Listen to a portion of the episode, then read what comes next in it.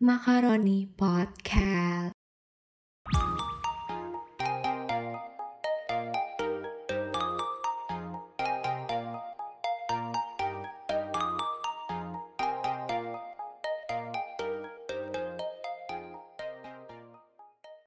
Halo semuanya, apa kabar nih teman-teman? Mungkin ini pertanyaan basic sih. Yeah, we all know that we are trapped in our own homes during quarantine and and I know it's very boring but harus terus ada gitu suara optimisme bahwa kita bisa melewati ini dengan ya saling menenangkan, menghibur, menguatkan satu sama lain. Senang sekali aku Salsa bisa menemani kalian di podcast pertama Makaroni di tahun 2020. Ngomong-ngomong, kalian tahu nggak sih sekarang tanggal 29 Mei itu hari apa? Ini harinya tuh unik banget. Jadi setiap tanggal 29 Mei itu diperingati sebagai hari lanjut usia nasional atau hari lansia. Dan ini tuh termasuk hari penting di Indonesia. Katanya sebagai wujud kepedulian dan penghargaan terhadap orang lanjut usia. So, podcast Makaroni pada kali ini aku ditemenin sama seseorang. Siapa dia? Jadi aku sekarang sedang bersama wanita yang hampir menginjak 60 tahun tapi she still looks like good and healthy. Jadi sebenarnya ini mama aku. Halo mama. Hai. Kelihatan banget kan dari suaranya mama ini kayak masih muda padahal udah hampir kepala enam ya ma? Iya, udah hampir. Sebentar lagi ya. Masa iya sih muda?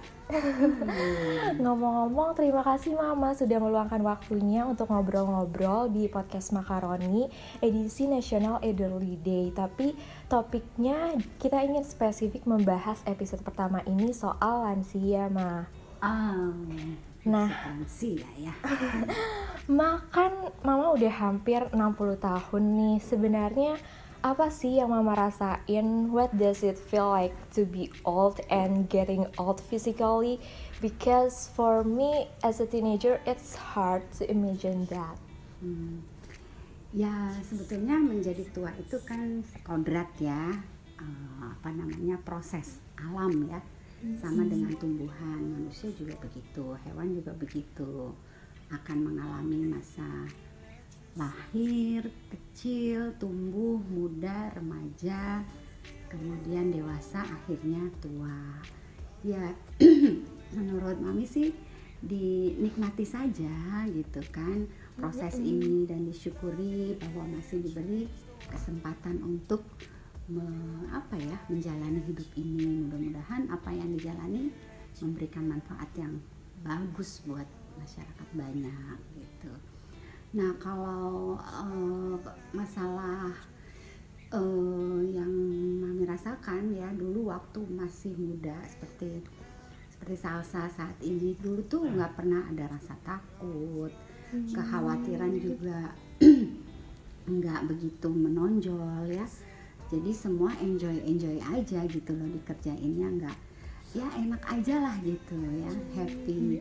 Nah sekarang memasuki usia eh, menjelang 60 udah mulai tuh ada rasa khawatir di jalan kalau ketemu orang yang jahat nanti gimana ya? Kalau apa melepas anak-anak berangkat sendiri pulang malam nanti eh, gimana ya mereka di jalan gitu. Terus ada juga rasa takut takutnya itu bukan takut kepada hal-hal yang gak eh, apa ya nggak kelihatan ya justru takutnya kepada eh, manusia misalnya ya tentang terutama takut pada hal-hal yang sifatnya kejahatan lah kekerasan gitu. Karena sebetulnya di usia segini kan nggak sekuat dulu mungkin kalau dia adu lari juga udah kalah kan ya. Jalan juga udah kalah ya nggak bisa secepat dulu gitu. Cuman memang eh, semangat untuk bisa terus hidup sehat itu harus lebih lebih apa namanya lebih tinggi dibandingkan dulu waktu muda. Mungkin dulu waktu muda untuk sehat aja nggak mikir-mikir udah deh makan yang penting enak gitu. Belum tentu sehat tapi kalau sekarang udah memikirkan makanan yang sehat. Ya kalau mau enak ya ya diracik-racik sendiri aja gitu. Jadi udah nggak memikirkan makanan-makanan yang memberikan dampak yang nggak sehat lah kepada tubuh gitu jadi mungkin uh, apa namanya mungkin itu ya yang yang apa yang mami rasakan di di usia menjelang 60 ini. Jadi banyak hal-hal yang uh, apa namanya yang juga membuat mami bisa bersemangat dan tapi juga ada hal-hal yang mami rasakan kok ini kenapa ya? Kekhawatiran kok makin agak dominan dibandingkan dulu. Gitu. Nah kalau masalah uh, kesehatan gitu masalah yang dirasa-rasa di badan ya ada juga sih yang udah mulai kurang misalnya. Sekarang gampang ngantuk. Gimana iya mah ya dulu kan nggak ngantuk nggak pernah. Kayaknya waktu masih muda nggak pernah ngantuk. Malahan kalau tidur cuma sejam dua jam tuh nggak apa-apa. Badan enak-enak aja. Sekarang padahal tidur udah cukup 6 7 jam tapi tetap aja di waktu-waktu tertentu apalagi dengerin sesuatu yang monoton udah deh mata kayaknya berat ya. Dan kalau lihat di laptop juga begitu semangat sih buka laptop begitu udah mulai mau kerja. Aduh kelopak mata kayaknya berat gitu. Jadi itu yang dirasakan cepet ngantuk. Terus kalau makan mah alhamdulillah sih eh, enak-enak aja gitu. Nggak nggak merasa nggak bisa makan enak tidur juga alhamdulillah tidur enak. Nggak pernah tuh merasakan susah tidur. Alhamdulillah malah gampang banget tidurnya. Terus yang lain apa ya? Misalnya mungkin kalau uh, lagi mengerjakan sesuatu pengen cepet tetapi ternyata uh oh gitu kan. Ternyata udah nggak mudah nih nggak bisa secepat dulu gitu kan gitu. Nah terus uh, ini deh sama teknologi sekarang ini teknologi komputer rasanya terasa banget kalau mami tuh ketinggalan banget sama anak-anak muda zaman sekarang. Masalah HP aja bisanya cuma telepon WA telepon WA untuk situs apa eh, program-program yang lain udah nggak dimaksimalkan gitu. Nanti harus tanya yang lebih muda gimana nah, baru dia bisa kadang-kadang di, di ini sih suka dijadian apa namanya bercandaan sama anak-anak ya malah dibully Oh. kayaknya sih gitu. Ih mami gini doang nggak bisa ya maklum lah gitu. Tapi ya udahlah nerima namanya juga lansia ya mau diapain lagi gitu Oh gitu Mi. Tapi kalau ngomongin ngantuk Aku juga sering ngantuk sih Mi. Oh, itu mah karena kebanyakan tidur ya, kurang olahraga. Kalau anak muda ngantuk itu biasanya karena kurang gerak ya, kurang olahraga, oksigen yang masuk ke dalam tubuh itu kurang, itu juga bisa menyebabkan ngantuk ya. Oh gitu Mi. Oke berarti sebenarnya tuh kalau secara fisik itu kita emang menua Tapi secara fisiologi tuh kita eh, psikologi tuh kita masih jiwanya tuh nggak berubah ya Mi? Iya, iya, jiwa nggak harus lebih eh, semangat lagi. Sekarang kan lagi rame nih tentang COVID-19. Apa sih kayak what do you think and what do you feel about the coronavirus? Because the elderly are significantly more likely to die from it. Apakah ada perasaan panik mungkin? Gimana menurut pandangan Mami as the elderly melihat coronavirus? Iya, me as an elderly ya pastilah ya. Tadi kan uh, Mami juga udah bilang orang makin getting old makin merasa kecemasannya itu makin tinggi ya. Begitu juga terhadap hal-hal seperti ini. Mungkin bu- nggak hanya ini sebetulnya bukan kekerasan tapi sesuatu yang bisa menyebabkan seorang eh, apa namanya eh, konyol gitu kan ya. Itu juga membuat eh, lansia juga khawatir terus eh, yang mami rasakan seperti itu. Ada kekhawatiran yang berlebihan pada saat pertama kali eh, COVID-19 ini muncul ya. Dengan berita yang oh bermacam-macam sumbernya sehingga membuat kita ya sempat ketakutan juga sih kayaknya tapi itu normal ya artinya. karena eh, target resiko adalah lansia kan merupakan target resiko. Dan kita menyadari bahwa ah mami juga termasuk kelompok lansia nih yang jadi target beresiko gitu. Sehingga harus betul-betul mempelajari apa sih itu COVID betul-betul harus pengen tahu gitu loh mm-hmm. COVID-19 itu seperti apa sih. Kemudian dia bagaimana perjalanan penyakitnya bagaimana penularannya dan yang paling penting adalah bagaimana pencegahannya agar kita tidak tertular. Tentunya juga dengan berdoa kepada Allah ya bahwa semuanya kan memang dari Allah ya. Nah eh, apa namanya dengan berjalannya waktu sudah banyak baca dari mulai kekhawatiran yang tinggi sampai akhirnya kita sudah memahami sekarang nah sekarang kurva kekhawatirannya udah turun nih mm-hmm. karena sudah mulai paham kan oh ternyata penularannya seperti itu dan bisa dihindari penularan itu nah sepanjang tidak apa namanya tidak melanggar hal-hal yang Eh, bisa menjadi penularan sebetulnya sih nggak ada yang harus dikhawatirkan. Mm-hmm. misalnya satu yang paling penting adalah mungkin kita harus meningkatkan daya tahan tubuh. Insya Allah uh, ya mami sih udah usia segini masih senang olahraga mm-hmm. makan makanan yang sehat insya Allah. Tidur juga cukup. Artinya bekerja juga enggak workaholic gitu kan. Tahu lah batas-batas ketika sudah lelah harus tidur, kemudian kapan harus bangun dan satu lagi yang lebih penting menurut mami, mami tuh punya kesenangan bangun pagi hari sebelum subuh ya, ya, ya sepertiga malam lah menjelang pagi ya. Nah itu menurut beberapa buku bahwa itu akan meningkatkan imunitas kita.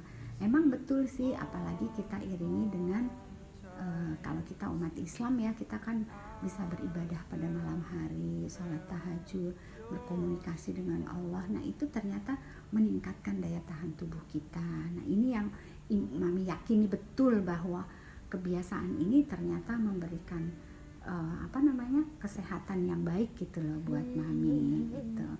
Jadi ya kekhawatiran untuk terinfeksi COVID sekarang sudah mulai mereda ya, tapi bukan berarti lalu mami hidup dengan lalai enggak. Tetap menghindari kerumunan tetap pakai APD ya alat pelindung diri.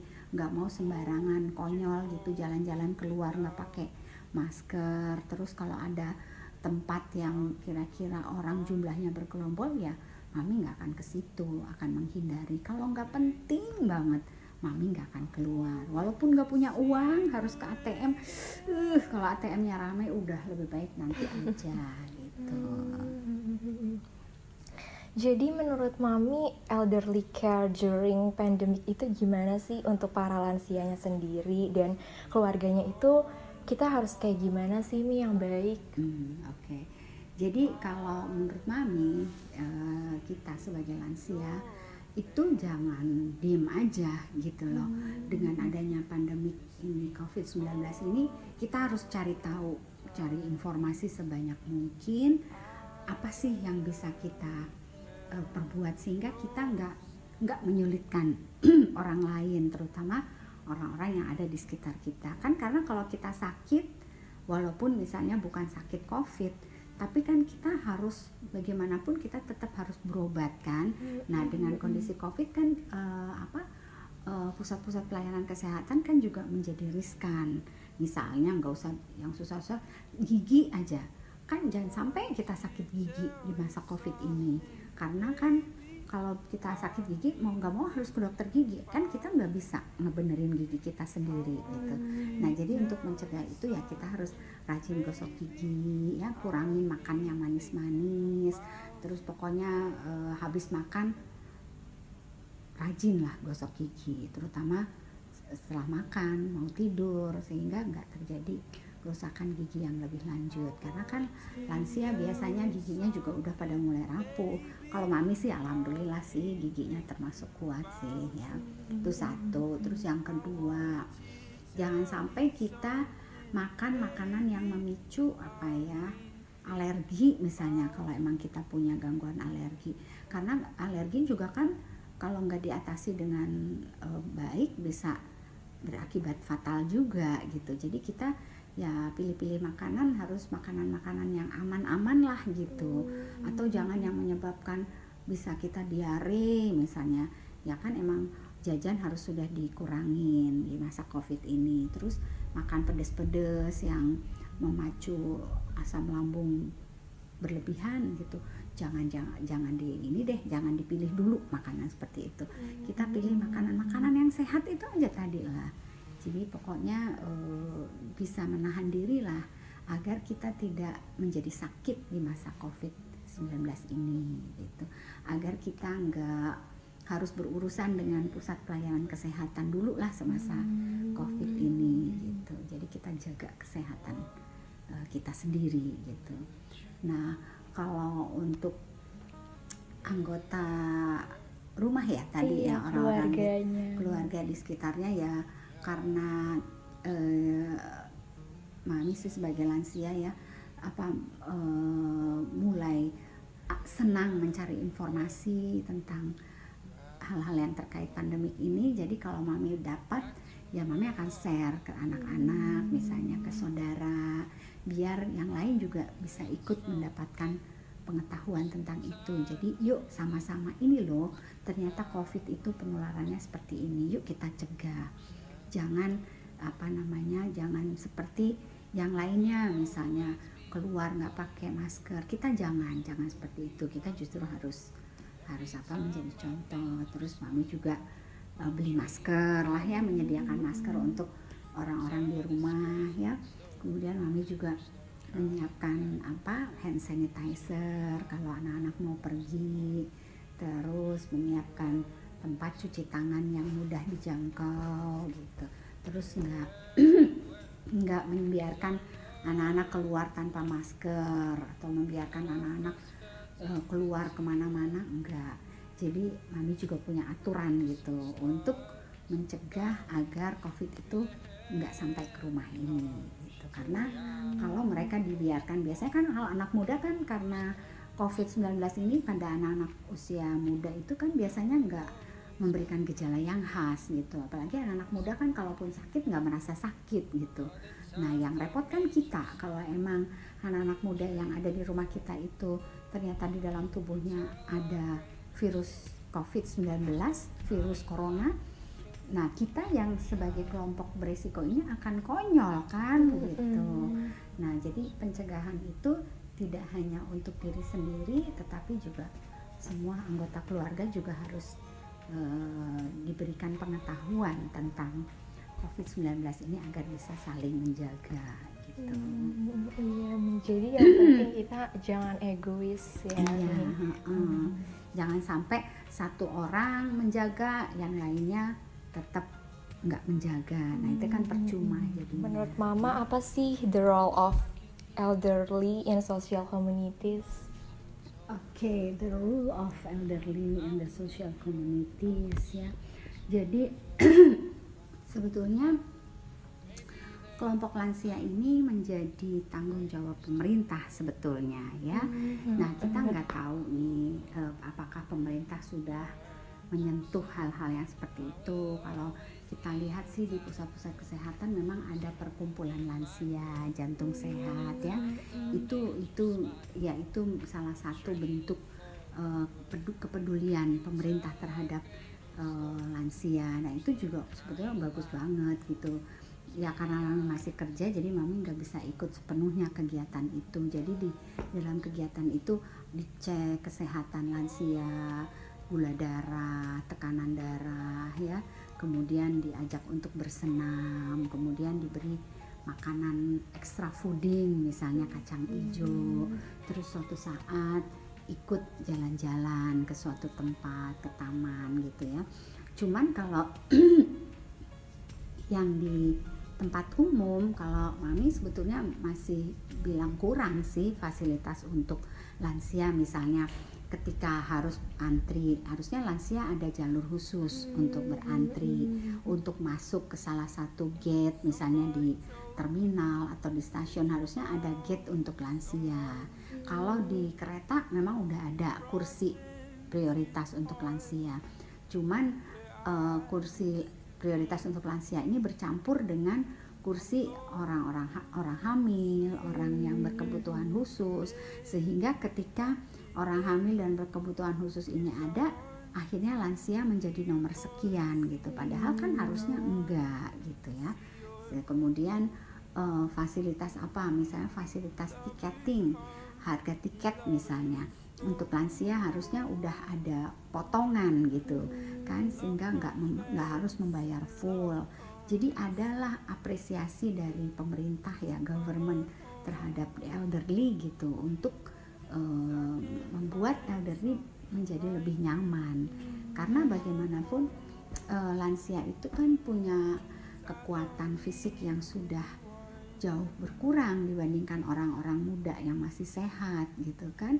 Keinginan untuk naik kereta emang besar tapi kan mungkin kekuatan badannya nggak sekuat mereka. Jadi kadang-kadang uh, apa namanya kalau tidak diberikan space tempat gitu ya anak-anak muda kadang-kadang nggak menyadari gitu loh hal itu. Sehingga harusnya diberikan uh, apa kolom lebih lah untuk lansia. Seperti yang tadi mami sebutkan gitu ticketing ya queuing in the entry gate gitu kan. Terus apa namanya hmm, uh, diskon ya untuk beberapa uh, harga-harga inilah harga-harga tiket uh, harian atau tiket uh, apa namanya vakansi ya liburan ya. nah uh, itu sih mungkin yang yang belum. Lalu sebetulnya untuk lansia itu butuh taman.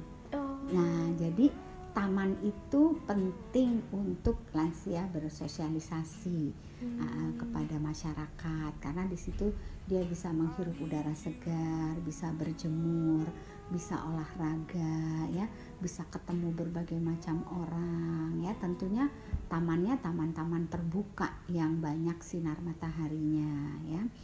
Nah, apa kalau di luar negeri kan seperti di UK dulu mami pernah tinggal di UK hampir dua hmm. tahun ya di sana atau di Jepang pernah juga hmm. mami ke Jepang itu melihat di sana taman-taman itu bagus banget gitu memang disediakan hmm. untuk untuk uh, tidak hanya untuk masyarakat umum tapi untuk lansia. Jadi ada tempat duduknya ya yang bisa uh, kena panas matahari yang cukup untuk berjemur gitu. Ada tempat untuk lansia berjalan yang aman. Karena kan hmm. lansia yang udah umur 70-an mungkin di atas 70 jalannya mungkin kan udah enggak begitu iya. stabil. Nah sehingga butuh tempat jalan khusus gitu nah itu sih yang yang belum dilakukan pemerintah di Indonesia nggak tahu sampai kapan menunggu kepedulian seperti itu bisa terlaksana gitu ya mudah-mudahan aja deh di masa-masa yang akan datang ya. jadi sebenarnya kita udah ketinggalan jauh ya sama iya. negara-negara maju benar untuk hal-hal yang paling sederhana kita tuh masih belum belum menyentuh kepedulian pada lansia itu secara manusiawi lah belum gitu. Hmm. So that menurut Mami apakah the elderly ini have received social welfare in Indonesia, Mi? Uh, kalau untuk safety, ya sebetulnya sih belum ya, hmm. belum lah hmm. untuk uh, safety. Ya misalnya, ya seperti gitu di transportasi umum misalnya public transportation ya. Uh, di mana elderly itu elderly itu masih berebutan dengan yang muda-muda gitu loh sampai kalau di kereta aja mami kalau uh, naik kereta yang kereta itu kereta akan kembali lagi mau dapat duduk aja sampai berebutan dorong-dorong padahal mereka tahu ini loh orang tua gitu loh. Tapi tetap aja yang muda kayaknya nggak peduli gitu. Nah menurut itu itu gambaran yang paling sederhana banget bahwa kita belum mendapatkan welfare dari kondisi yang ada. Ya apalagi kalau dikaitkan dengan hal-hal lain misalnya apa ya uh, ya program-program TV misalnya. Hmm, nah iya. program TV untuk lansia tuh kayaknya sedikit banget deh. Apa malah juga beberapa channel TV kayaknya belum belum punya program hmm. untuk. Padahal lansia kan perlu juga hiburan ya. Terus sudah gitu tempat-tempat apa namanya hmm, tempat lansia tuh apa namanya eh, tempat untuk lansia misalnya ditaruh di situ. Panti. Nah, Iya. panti jompo. Hmm. Nah, panti jompo di Indonesia itu kalau menurut Mami masih lebih kepada nitip orang tua lah ke situ Hmm. gitu, bukan memberikan kegembiraan kepada eh, lansia. Jadi kalau menurut Mami kita sebagai orang timur ya dan juga orang yang beragama menurut Mami sebaiknya orang tua itu tinggal bersama keluarga besar. Karena apa? Karena variasi usia yang bisa ditemui seorang lansia di suatu tempat itu akan menambah kebahagiaan, menambah kesehatan ya, menambah semangat dalam hidupnya. Jadi lansia itu tidak harus dikumpulkan dengan kelompok-kelompok lansia semuanya kalau menurut Mami nggak cocok. Justru mereka harus tinggal dengan eh, apa namanya dengan eh, variasi usia yang bervariasi gitu. Bagus banget kalau di tempat lansia tinggal itu misalnya juga ada anak kecil ya, ada juga remaja, ada juga orang dewasa gitu. Karena itu akan memberikan apa ya motivasi, motivasi semangat hidup ya kepada lansia untuk terus sehat. Karena itu akan memicu semangatnya. Oh iya ya, eh, misalnya cucuku masih kecil, masih sehat, eh masih harus tumbuh, aku harus sehat gitu. Nah, itu akan menjadi motivasi tersendiri. Jadi lebih baik pengetahuan tentang lansia ini juga harus dipahami oleh anak-anak muda sehingga tidak menganggap orang tuanya yang sudah lansia ini udahlah nggak cocok lagi tinggal di rumah harus tinggal di panti nah itu jangan sampai ada pikiran seperti itu. Karena itu justru akan membuat lansia menjadi apa ya menjadi menjadi kurang bersemangat di dalam hidupnya. Lebih bagus mungkin diberikan lansia itu grup. Nah Hmm. grup untuk ketemuan misalnya seminggu sekali atau eh, nah itu itu lebih bagus gitu loh. Akan memberikan dia mengingatkan juga oh iya aku sudah tua ya teman-temanku juga sudah tua ya gitu kayak dibuat geng gitu kali ya ah, Mi. kelompok ya Hmm. misalnya kelompok WA atau teman-teman kuliahnya dulu atau teman-teman sekolahnya. Nah itu dicarikan oleh yang muda lah di rumah. Misalnya siapa ya teman-temannya mami yang dulu? Yuk deh yuk yuk diketemuin yuk kapan? Lucu Bikin, banget eh, nih makanya kasih bola-bola kasih ayunan. Pasti masih pada seneng gitu. Iya sih, aku setuju karena banyak juga orang yang dia tuh sekadar nitipin orang tuanya di panti jompo karena misalnya orang tuanya nyusahin di rumah Hmm. kayak gitu. itu kan padahal waktu kecil dia sendiri kan dijaga sama orang tuanya kan. dan nyusahin banget anak kecil itu. Bayangin misalnya dia pengen apa-apa ngamuk apa itu bukan nggak nyusahin. Padahal barang yang diinginkan tuh nggak ada di rumah harus pergi beli di satu tempat gitu kan. Padahal di rumah mungkin lagi repot banget. Tapi ibu, seorang ibu ya nggak memikirkan itu. Yang penting keinginan anaknya bisa dicapai. Nah akhirnya pergilah dia keluar. Belum lagi kalau sakit demamnya tinggi rewel diare. Bahkan malam-malam tengah malam oh, kan Hmm. orang tua pasti akan keluar bagaimanapun mencari dokter tapi untuk seorang anak belum tentu bisa seperti itu. Bisa bisa ditahan nggak bu? Besok ya ke dokter. Nah paling itu. Beda dengan orang tua ya.